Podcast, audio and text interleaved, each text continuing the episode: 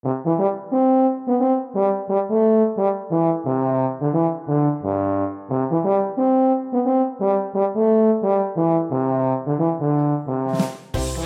hei hei, og velkommen til en ny episode av Foreldrekoden. Og grunnen til denne entusiasmen her, det er jo selvfølgelig at vi har episode nummer 100 ute nå. Med denne her. Og det er jo ganske fantastisk, er det ikke det, Hedvig Montgomery? Du har sittet her og snakket i vei her i mangfoldige timer, og dette er altså hundrede gang. Ja, det er nesten litt pinlig når vi sier det sånn, fordi det har vært utrolig gøy de 99 gangene før, og kommer sikkert også til å bli det i dag. Men det er jo nettopp fordi det er så fine lyttere som vi skal høre mye mer fra i dag. Ja, hva er som er pinlig, mente du? Nei, for jeg tenker jo ikke selv at jeg er så utrolig interessant at det jeg skulle sitte og snakke 100 episoder i strekk hadde noe for seg. Men, eh, men gøy har det vært. Ja, ja. Og du var inne på det. Vi har fått inn veldig mange fine spørsmål, nemlig, fra uh, våre lyttere i dag. Eller dere lyttere. Etter at vi utlyste dette her på sosiale medier, Instagram, Foreldrekoden og i Foreldrekoden-gruppa på Facebook. Og uh, det har kommet inn ganske mange fine spørsmål, har det ikke det? Altså, jeg ble veldig, veldig imponert da jeg leste dem. Det er så spennende. Det er jo alt fra de minste barna til ganske store barn som mm. spørsmålene handler om. Mm. Og det er spørsmål som, eh, som jeg i hvert fall tenkte jeg begynte å lese dem, at dette er skikkelig interessant å svare på. Det er en grunn til at de blir stilt. Ja, men Så bra.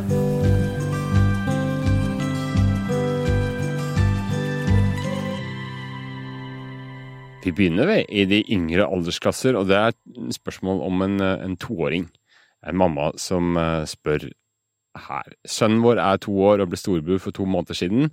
Han har veldig godt utvikla språk. De siste par ukene har han begynt å si 'jeg er lei meg', uten at han kan forklare hvorfor. Jeg har inntrykk av at, at han bare delvis forstår hva lei seg betyr, men vet iallfall at det er noe negativt.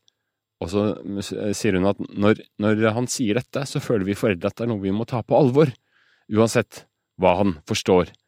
Hva er det egentlig betyr da, Hedvig, når eh, denne toåringen sier at han er lei seg? Hva er det et uttrykk for? Altså For det første så er det jo helt fantastisk med toåringen. Fordi plutselig så går språkutviklingen så fort. Eh, går fra å bare si ett ord og bruke entorssetninger, til å begynne å sette sammen to og to ord, og plutselig så bare drar det av gårde. Det eksploderer i språkutviklingen. Det kommer nye ord hele tiden. Og omtrent samtidig så ser vi at veldig mange to toåringer får problemer med å sove gjennom natten eller å sovne på kvelden fordi det bobler så innmari i hodet. Og det som er så fascinerende med denne språkutviklingen her, det er at ja, noen ligger, har mange ord som de bruker, men de har ikke alltid så godt grep om hva de betyr. De elsker lyden av dem, de elsker effekten de gjør, men den der modenheten i å helt skjønne hva det er for noe, den kommer senere uansett. Så mammaen her har jo helt rett når hun sier jeg er ikke så sikker på at han skjønner hva det betyr for noe å være lei seg, men han vet én ting, det er fint å si, og når han sier det, så skjer det noen ting. Alles øyne mot ham. Og så tenker jeg, den der gleden over at det magiske språket som åpner sånne muligheter, det er noe som er så vakkert i det. Så når han sier 'Å, jeg er lei meg', hadde man sagt 'Å, er du lei deg'? Ja, men da blir det bitte litt trøst, og så fortsetter vi med. Mm, altså, jeg hadde gitt det bare en liten sånn innsmett i det vi holdt på med, fordi mammaen har jo rett. Sannsynligvis er det bare fordi han vil ha den kontakten eller den lille pausen som det gir. Og så kommer han etter hvert, fordi andre bruker lei seg på riktig måte, fordi man leser historier om noen som er lei seg. Ja, på et eller annet tidspunkt begynner han å bruke det helt riktig. Nå er bare det viktige å ta vare på gleden ved språket og gleden ved kontakten. Jo, men han skulle bli storebror. Eh, prøver han å si egentlig 'jeg er sjalu'? Han er allerede blitt storebror, er han ikke det? Jo, han er nettopp blitt storebror, ja. Riktig. Ja. Men uh, da er han sjalu, da. Ja visst er han sjalu, og det skulle bare mangle. Og det er en smart liten gutt som tar den oppmerksomheten han trenger, og bruker de døråpnerne som finnes. Så man skal ikke overdramatisere eller overtolke dette greiene her, kanskje? Nei. Et uh, annet spørsmål her. Hvordan bør voksne forholde seg når småbarn krangler om én leke, og én eller begge begynner å gråte? Blande oss inn, eller la barna finne ut av det selv? Ja, det kommer jo helt an på alderen. Står det noe om hvor gamle barna er? Jeg tror de er ganske små. Ja, fordi dette er veldig, veldig interessant. Eh, De minste barna, de som er under tre, de har ikke evnen til å dele rent sånn forståelsesmessig. Fordi den delen av hjernen som gjør at jeg skjønner at du har det på en annen måte enn det jeg har det, den er ikke på plass før i tre-fireårsalderen. Så det vil si at de minste barna, de tar det de trenger og det de har lyst på, eh, og kan i og for seg synes at det er litt eh, synd at den andre begynner å gråte, men, men eh, det gjør dem ikke all verdens, egentlig. Så med barn under tre-fire år, så tenker jeg at her er løsningen å ha nok leker. Eh, Eller å avlede, sånn at man tar oppmerksomheten bort fra den ene tingen og over på noe annet for den som har eh, mistet den. Det vil si at de minste barna trenger ganske mange voksne, ikke sant. Det er jo derfor man hele tiden må være med de minste barna, for de kan ikke ordne opp selv. De har ingen evne til det. Eh, Og det er også i den alderen hvor vi ikke skal tro at de kan at de er slemme når de ikke vet hva det er for noe å dele. Det er bare fordi de ikke er i stand til å forstå det ennå. Og vi skal heller ikke tenke at det er noen ting galt med vårt barn moralsk som ikke har lært seg å dele ennå. Det kommer ganske mye senere. Mm. Fra tre-fireårsalderen og oppover så kan man si å, vil dere begge ha den vannpistolen, eller hva det nå kan være for noen ting. Og så er det bare én av den. Hvordan skal vi, hva skal vi tenke nå? Altså, da går det an å gå inn og få dem litt med på det, men fortsatt Det er helt nybegynnere på å lære seg å løse slike situasjoner, og hver gang de står igjen, så lærer de seg litt mer. Og etter hvert, ja, så kan de løse mer på egen hånd. Men eh, bør man eh, blande seg inn, eller eh, skal de bare finne ut av det selv? For de minste barna så kan de ikke finne ut av det selv. Er de, er de før de kan forstå konseptet dele, altså før de er tre-fire år, så har de ingen sjans. Ja, så inn og megle der og, og, og glatte til og ordne opp litt, men når de blir litt eldre, da? Og når de blir fra tre-fire år og fremover, altså når de er i tre-fireårsalderen, så går man inn og viser dem Mm. hvordan man gjør det. Så ja, du går jo inn på en måte. Mens når de kommer opp i skolealder, og eh, du ikke har tid, eller eh, det uansett ikke finnes noen stor løsning, så kan du godt la dem få lov til å prøve bryne seg litt grann mer eh, først. Eh, Og så når du hører at eh, det løser seg, så kan du bare tenke det løste seg, og hvis det ikke løser seg, så kan du si etterpå åh, ble det skikkelig dumt i stad, altså snakke litt grann om det, sånn at de kanskje blir litt klokere til neste gang de havner i samme situasjon. Men egentlig ikke blande seg inn? Ikke så altfor mye, fordi etter hvert så har de litt godt av å i hvert fall prøve seg selv. Eh, og så er det klart at er det søsken, så ser man om det blir veldig skjevt. Du får etter hvert litt forståelse av hva det er for noe som skjer, som ikke bare er fra øyeblikk til øyeblikk. Men eh, altså, barn er ganske De trenger å lære seg både at ting kan være vanskelig, og at det blir bra igjen. Det er jo noe av det man lærer seg av å ha søsken. Så det er ingen grunn til å ved første kny og storme til på, på skolebarna. Absolutt ikke. Ikke på barnehagebarna heller. Men vit at de aller yngste barna, de under fire, de løser ingen problemer selv. Vi fortsetter i konfliktavdelingen, vi, eh, med neste spørsmål, som er litt langt, men jeg eh, leser mesteparten av det.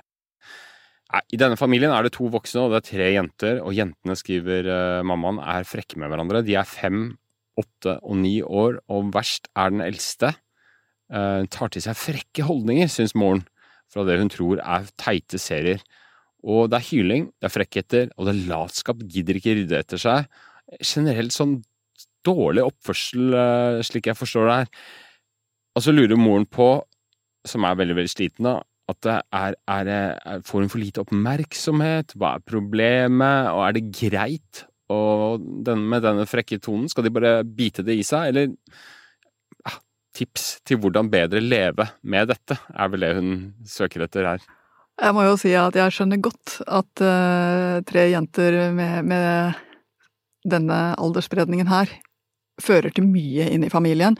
Og niåringen hva, uansett hva hun ser på for ting, så er hun på vei til å strekke seg inn mot noe eh, større og, og, prøver å imitere eldre barn, eller det hun tror er eldre barn, ganske mye. Hun leker på en måte tenåring, hvis du mhm. skjønner, mm -hmm. som ikke er så uvanlig for jenter på denne alderen her. Hvor tidlig begynner hun? Det er den alderen her? 9, ja, ni-tiårsalderen. Ja. Uh, så, så, det hun beskriver er egentlig et ganske typisk bilde, og da vil jo småsøstrene lure på eh, hva skjedde for noe nå, og så vil de få en helt ny måte å bli vanskelig sammen på. Så det vi ser her, det tror jeg det er ganske mange andre familier som kjenner igjen. Mm. Eh, men det ene å vite, det er ganske viktig med lederskap i familier som har barn i denne alderen her. Ja. Det vil si at uh, det kanskje blir litt mer sånn sånn gjør vi det i dag. Uh, altså at foreldrene setter ganske tydelige rammer for hva som skal skje og hva vi skal gjøre, sånn at det ikke blir så mye diskusjonsrom hele tiden. Og at det sånn sett blir litt mer tydelig for alle tre hva det er for noe som gjelder nå. Jo, nå er det middag, eller nå er det legging, eller nå skal vi ut, eller nå De har, har den der tydeligheten med seg. At man har litt sånn Men hvordan skal vi At man faktisk kan ha snakke med dem, særlig én og én. Åh, i dag ble en sånn dag som jeg bare syns det ble veldig, veldig mye diskusjon hele tiden. Hva tenker du?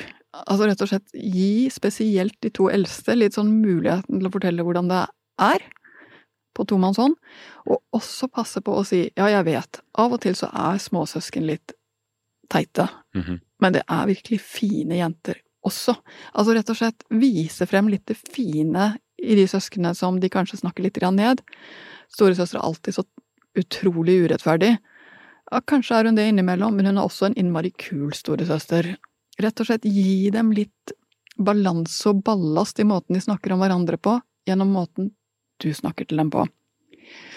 Og så trenger de også at uh, dere voksne ikke blir med på denne lydmuren av krangling. Så når de er for ille, er det nesten bedre, apropos forrige spørsmål her, å trekke seg litt unna, og så etterpå si gjøre det hyggelig, lage den gode stemningen og på en måte lage en boble av det. Og så merker jeg en ting. Det er at de boblene av god stemning betyr veldig mye for barna i denne alderen her. I denne alderen her kan jeg treffe barn hvor foreldrene sier de kranglet hele ferien. Eh, jeg hadde på stoppeklokka, og jeg tror ikke det var mange minuttene de ikke kranglet. Og jeg spør ok, når var det de ikke kranglet? Og jeg får kanskje én eller to hendelser i løpet av en hel uke. Og så spør jeg barna hvordan var ferien, og de sier den var kjempefin. Og så sier jeg ok, fortell hva var fint, og så nevner de de to stundene og sier det var så fin ferie, hør hva vi gjorde for noe. Altså de går inn i det fine og tar vare på det, kanskje bedre enn det vi voksne forstår. Og det tror jeg også vi skal huske på, at ved å la de boblene være der fine, og så tar barna dem med seg videre, og at de kanskje av og til er flinkere til å overhøre kranglingen og ikke ta den så til seg enn det vi er. Til det du sa med å um, på en måte hjelpe de til å se det fine i, det, i de andre søsknene og sånn. Det koster jo litt, da, når man er litt sånn på felgen og, og det er ikke så lett, det. det, det, det man jo, går jo fort inn i den derre uh, negge-kjefte-fella selv. Så hva er liksom den mentale øvelsen man må ta, da? Jo, altså selvfølgelig gjør man det, eh, og det skulle jo bare mangle, men akkurat når du sitter der på sengekanten med det ene barnet, så er det bare det du gjør. Akkurat da er det bare det du gjør. Og det er tre minutter, eller syv minutter, eller kanskje til og med ti minutter, som er det den fine enetiden hvor du har en gyllen liten mulighet til å gi et litt annet perspektiv, til å gi en litt annen tanke inn, som det barnet sannsynligvis trenger.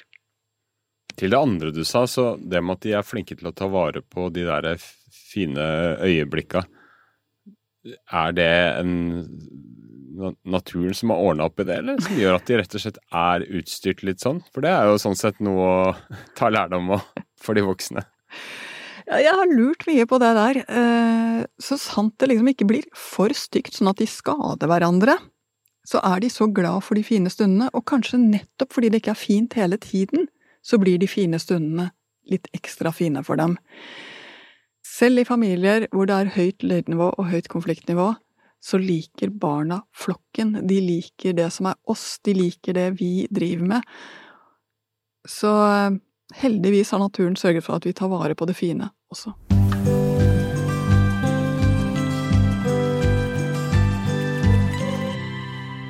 Vi går videre til et annet spørsmål her, eh, og det er fra en mamma som skriver at hun selv opplevde mye utenforskap da hun var yngre.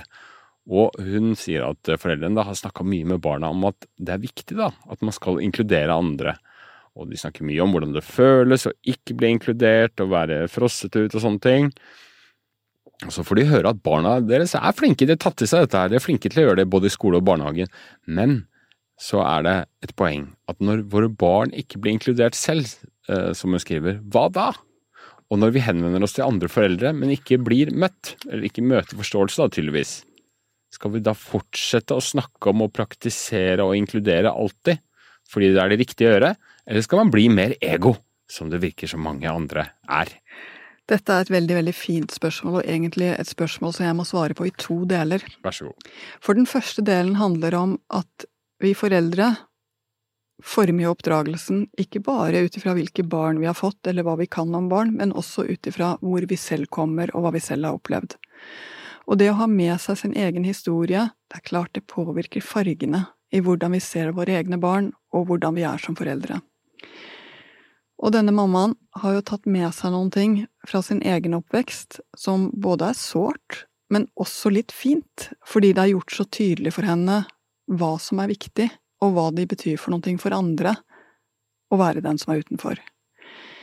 Det er bare det at det kan faktisk bli litt for mye, sånn at du havner litt i utakt Ja. med verden rundt, og det er jo det vi beskriver i del to. Og da kommer vi jo nesten over på et filosofisk spørsmål, nemlig hvor egoistisk er det greit å være? uh, og der må jeg bare si jeg, jeg tror det er et ganske viktig spørsmål. Hva slags menneske har jeg lyst til å være? Hvordan har jeg lyst til å være mot mine omgivelser, og hvordan vil jeg at de skal oppfatte meg? Det er jo et stort spørsmål, kanskje et av de store spørsmålene i livet og i barneoppdragelsen. Og jeg tenker at denne mammaen har av gode grunner havnet på et sted hvor hun sier jo, dette betyr noe for meg. Og så ser hun at andre har andre verdier. Det betyr ikke like mye for dem i det hele tatt. Kanskje fordi de ikke har den samme bakgrunnen, kanskje fordi de ikke engang har stilt seg selv spørsmålet. Det vet vi jo ikke. Men jeg tenker at denne balansegangen mellom å holde på min families verdier, nesten uavhengig av hva det er for noen ting, og å få at barna kan passe inn og trives sammen med verden der ute sånn som denne er, det er noen ting vi ofte står i, enten det er noen ting som berører min tro, eller det berører vår eh, tanke om eh, politikk eller eh, ressursbruk eller økonomi. Altså det kan være så mange ting hvor våre ideer faktisk går et stykke bort fra omgivelsenes, hva andre mener for noen ting. Og da tenker jeg at både så gir vi barna en god ballast i at ja, men sånn tenker vi rundt dette, altså gir dem språk for det, men vi skal også ha litt sånn at, vet du hva, barna kommer kanskje i en situasjon eller en alder hvor det å lage de gruppene og ikke ta med alle er riktig. Det kan være. Så følg litt med på barnas utvikling også, hvor de er og hva som er riktig for dem. For det går ikke an å lage en blåkopi av sin egen oppvekst hvor man har rettet alle feilene. Mm. Den må lages på nytt igjen hver eneste gang. Kort og godt er neste spørsmål hvor viktig er nærmiljø for utvikling, selvtillit, trygghet etc. for barn i småskolen? Og hvor viktig er det for dem å føle seg som en del av dette? Litt sånn gradert hvor viktig spørsmål, så i bånn ligger vel at det er viktig, da. Eh, men jeg vet ikke om det er mulig å svare på det eh, konkret? Jeg. Jo, jo. Okay. Eh, altså, I barnehagealder så er jo familien det aller, aller, aller viktigste. Mm. Eh, og det vi gjør hjemme, og det som skjer i barnehagen, er egentlig mer enn nok, Mm. må jeg si. Men så kommer de opp i barneskolealder, og da skjer det noen ting. De går litt ut av teltet, litt ut av det der hjemmet vi har laget, og begynner å se etter noen ting der ute. Hva kan jeg tenkes å trives med, hvor kan jeg tenkes å passe inn, hva slags eh, kropp, hva slags eh, sinn, hva slags talenter har jeg? Og da leter de jo ut i nærmiljøet. Skolen er et av de stedene hvor de leter, selvfølgelig, men ikke alle finner seg og sitt på skolen, og da leter de gjerne videre i aktiviteter, i kulturer, i noen ting som passer. Og det å liksom vokse litt få lov til å lete litt og kanskje se noen ting som er fint, gjør det jo lettere for barna å bli tryggere på hvem er jeg, som ikke alltid er helt likt den familien du kommer fra. Men jeg har ser også mange barn som fortsatt finner det de egentlig leter etter, enten på skolen eller i familien sin, og som ikke er så veldig interessert i å lete utover det. Og det er helt fint. Mm. Eh, det vi ser etter, er jo nettopp den der muligheten til å bruke seg selv, og bruke forskjellige sider av seg selv, som er en nesten litt sånn trang som vokser frem nettopp i barneskoleårene, og hvor det å få lov til å eksperimentere med det betyr noen ting. Mm. Jeg vet ikke om det er dette hun mener, men, men, det er klart for mange vil det jo være sånn Man har et slags bilde om en sånn nabolagsidyll, eksempel, hvor det er mange barn som springer ut og inn til hverandre osv. Og, så og så er det jo eh, så, så, så, har vi jo det på den ene siden, og så har vi liksom noen kanskje da, som bor et sted hvor det ikke er spesielt mange lekekamerater rundt. og og da kan man kanskje begynne å tenke på om er det, er det, er det veldig Det er kanskje veldig dumt, eller, eller, eller altså, har det noe å si? Det er verken eller. Det er som det er. Uh, og jeg må jo si, jeg har jo, har jo oppdratt alle mine barn i by, mm. uh, hvor det ikke er noe løkke å løpe til, hvor det er lite av den type samlingspunkter. Uh, det gjør jo at det å lage de samlingspunktene på andre måter faller mer på oss voksne. Etter hvert så styrer de det selv. Eh, så jeg tenker jo bare at det er forskjellig. Eh, å lage gjør litt forskjellige ting med familien. Mm. Men det finnes barn på så mange steder, og på de rareste steder. Og det finnes også barn på steder hvor det ikke er andre barn. Ja. Og jeg ser jo at når det virkelig begynner å, å, bli vanskelig, er jo når de kommer litt opp, og faktisk kommer opp på ungdomsskolen, og, og det å ha noen å henge med blir viktigere på en ny måte. Men der har jo faktisk den digitale utviklingen gjort noen ting. Det å henge med andre likesinnede kan man gjøre på flere måter, også på steder hvor det er få. Og så er det mye fint å si om Lykkelige gataen, men det er jo litt slitsomt òg, med alle disse ungene som renner inn og ut hele tiden. Kanskje du vet mer enn meg der. ja, her har vi et spørsmål om et begrep som jeg har hørt flere ganger, men som jeg er litt usikker på hva rommer. Eh, og det er en mor som har blitt stilt overfor dette, denne diagnosen, for det er vel en diagnose. Hun skriver at barnehagen har bekymring for at vår datter på tre og en halv plutselig har utviklet selektiv mutisme. Og hun spør i første rekke kan du fortelle litt om eh, denne diagnosen. Hva er det for noe? Altså, selektiv mutisme er på mange måter en sekkediagnose, i den forstand at vi vet ikke hva det kommer av. Men noen barn, ut ifra kanskje sjenerthet, kanskje at de får en eller annen form for uro, kanskje ut ifra at de eh, ikke føler at de har så mye å si, og til slutt så blir det en vane, men de slutter i bestemte miljøer å snakke. Og som regel er det i barnehagen eller på skolen, avhengig av alder. Sånn at hjemme kan de være livlige, sprudlende, glade barn som forteller alt mulig og, og, er i en dialog, men når de kommer i barnehagen eller på skolen, så er det helt umulig å få ut et eneste ord av dem. Altså helt stumt? Helt stumt. Eh, de er eh, ofte Det å høre sin egen stemme i disse miljøene eh, vekker et veldig, veldig ubehag i dem. Og det pussige er at man skulle jo tro at dette var jo egentlig ikke et så stort problem, for vi vet jo at barna kan snakke. Mm -hmm. Og vi vet at, eh, at, eh, de både tenker og leker og, og, holder på, sånn at det er ikke uttrykk for at barna er dumme eller at det er noe galt med dem, men akkurat nå snakker de ikke i barnehagen eller på skolen. Det er det som ligger i selektiv mutisme. Det vi vet, er at jo mer press du legger på barnet til å snakke, jo tregere går det å få det frem. Mm -hmm. Det er akkurat som den der fortvilelsen som de voksne da føler, for det er litt fortvilende å være den barnehageansatte eller den læreren som ikke får et eneste ord ut av et barn. Sånn at det lager lett sånn spenning for det rundt det barnet i skolen eller i barnehagen, som igjen gjør at det blir enda vanskeligere. Mm. I, det, I dette tilfellet så skriver moren videre at hun snakker masse hjemme og ligger langt foran jevnaldrende ellers i hvert fall etter hennes vurdering. Kan det virkelig stemme, da, lurer hun på, at hun fremviser en helt annen side i barnehagen? Og det rimer jo med det du sier nå, mm. men hvor, hvis man ikke skal presse, mm. og, og, da må man jo finne ut hva det skyldes, da er det det som er trikset? Nei, trikset er egentlig å rett og slett eh, gi barnet tid og plass til å uttrykke seg, og kanskje bruke andre uttrykksformer i barnehagen en stund, eh, men ikke slutte med det som er fint. Danse, leke, bli lest for, få lov til å peke. Men rett og slett finne en måte å kommunisere på som, eh, som barnet trives med. Og så går det over, for det, det er litt fascinerende med selektiv mutisme. Det går over. Mm. Eh, men den frustrasjonen det lager mens det pågår, er ganske stor. Er det en utviklingsforstyrrelse eller angstlidelse, lurer denne moren på? Ingen av delene, da? Ja, altså, det, det, kommer jo litt an på hvordan vi ser det, men i diagnosemanualene våre så ligger det under at det er en angstlidelse, fordi det ofte opptrer sammen med angst.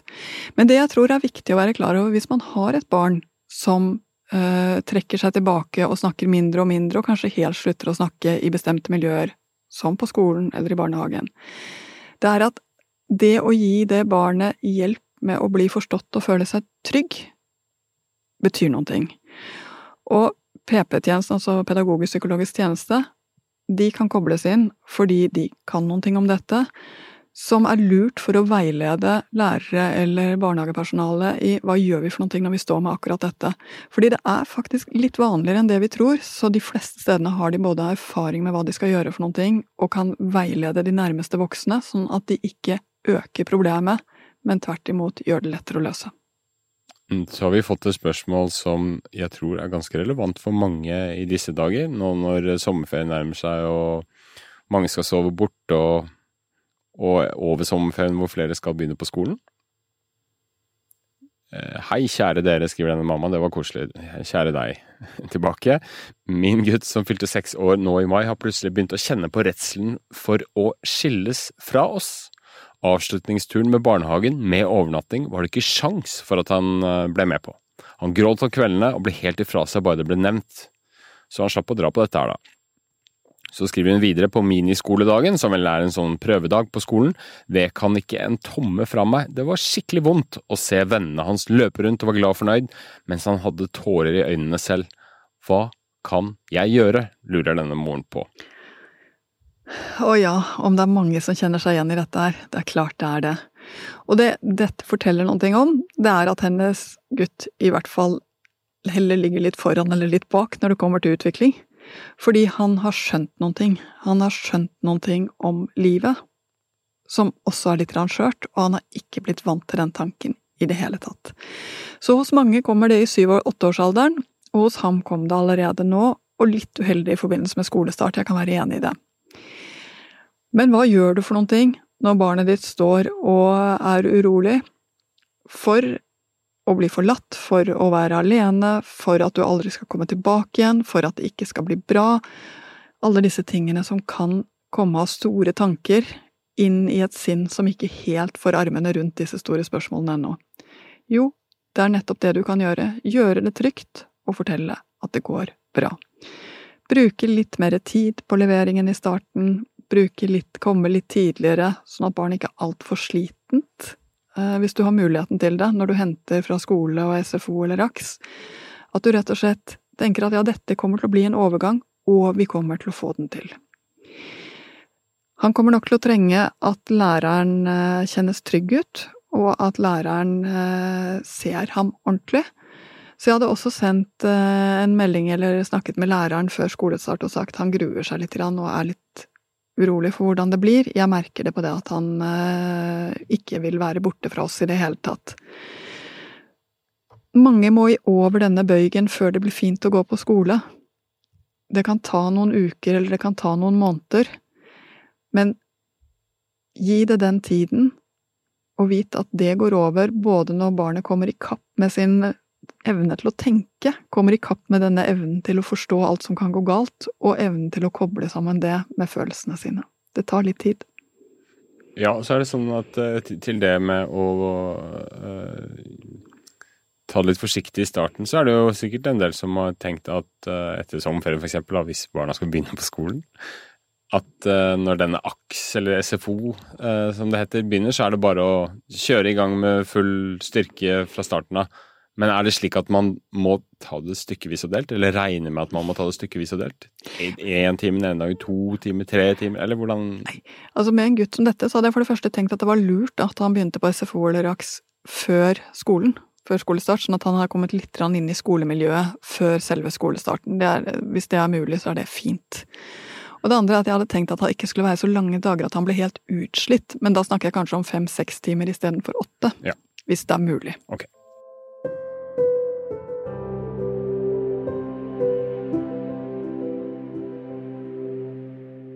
Men det at de ikke Eller at han fikk viljen sin, og at ikke de Han ble med på denne barnehageavslutningsturen, er, det Jeg skal ikke dømme denne moren, men, men man jo, kan jo tenke seg at det er lurt at de presses lite grann, selv om de blir fra seg og at det blir mye tårer?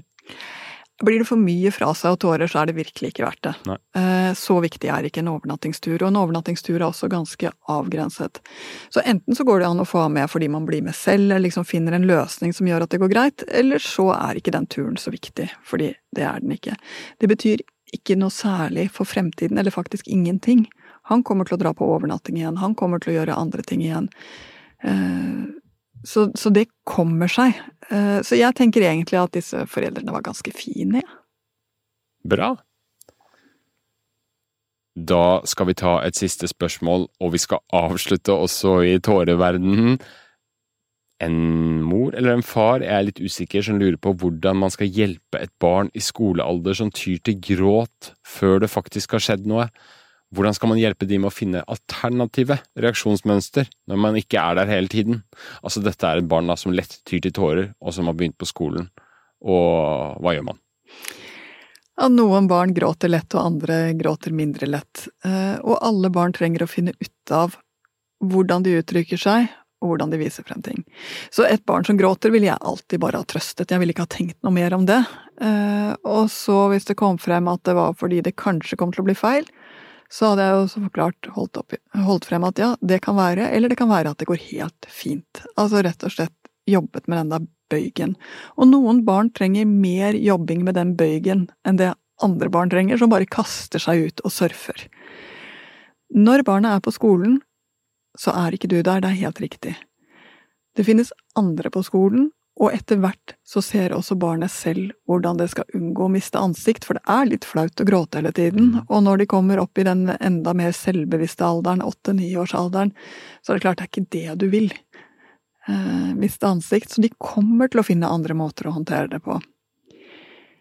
De lærer seg andre måter gjennom å se andre som finner andre måter, de ser på hverandre, å lese historier, se, lese bøker, skjønnlitteratur, er faktisk en, et treningsstudio for å finne måter å reagere på og måter mm. å, å, tenke på i vanskelige situasjoner. Så jeg ville ha sagt til denne pappaen eller mammaen Fortsett å lese historier som berører ditt barn, og som ditt barn kjenner seg igjen i. Det er kanskje det beste du kan gjøre for å gi andre måter å reagere på. Og ellers Sørg for at barnet ditt får trøst når barnet ditt trenger det. Det var jo et kjempetips inn i sommerferien, for dette var siste episoden i denne omgang fra Foreldrekoden. Hedvig Montgomery, hvordan syns du at eh, denne sesongen har vært da? Vet du hva, jeg syns denne sesongen har vært en fest. Har vært, vi har vært med på noe helt historisk. Vi har vært med på at samfunnet har gått tilbake igjen til et sted hvor barn får lov til å leke, trives, vokse og lære. Vi har gått bort fra å være urolige hele tiden til å finne en trygghet sammen igjen. Og jeg gleder meg til de sommerukene vi har igjen, men aller mest gleder jeg meg til høsten, for da er vi tilbake igjen. Takk til alle som har engasjert seg, for det er jo et helt utrolig engasjement der ute. Håper alle har en deilig, deilig sommer. Vi høres.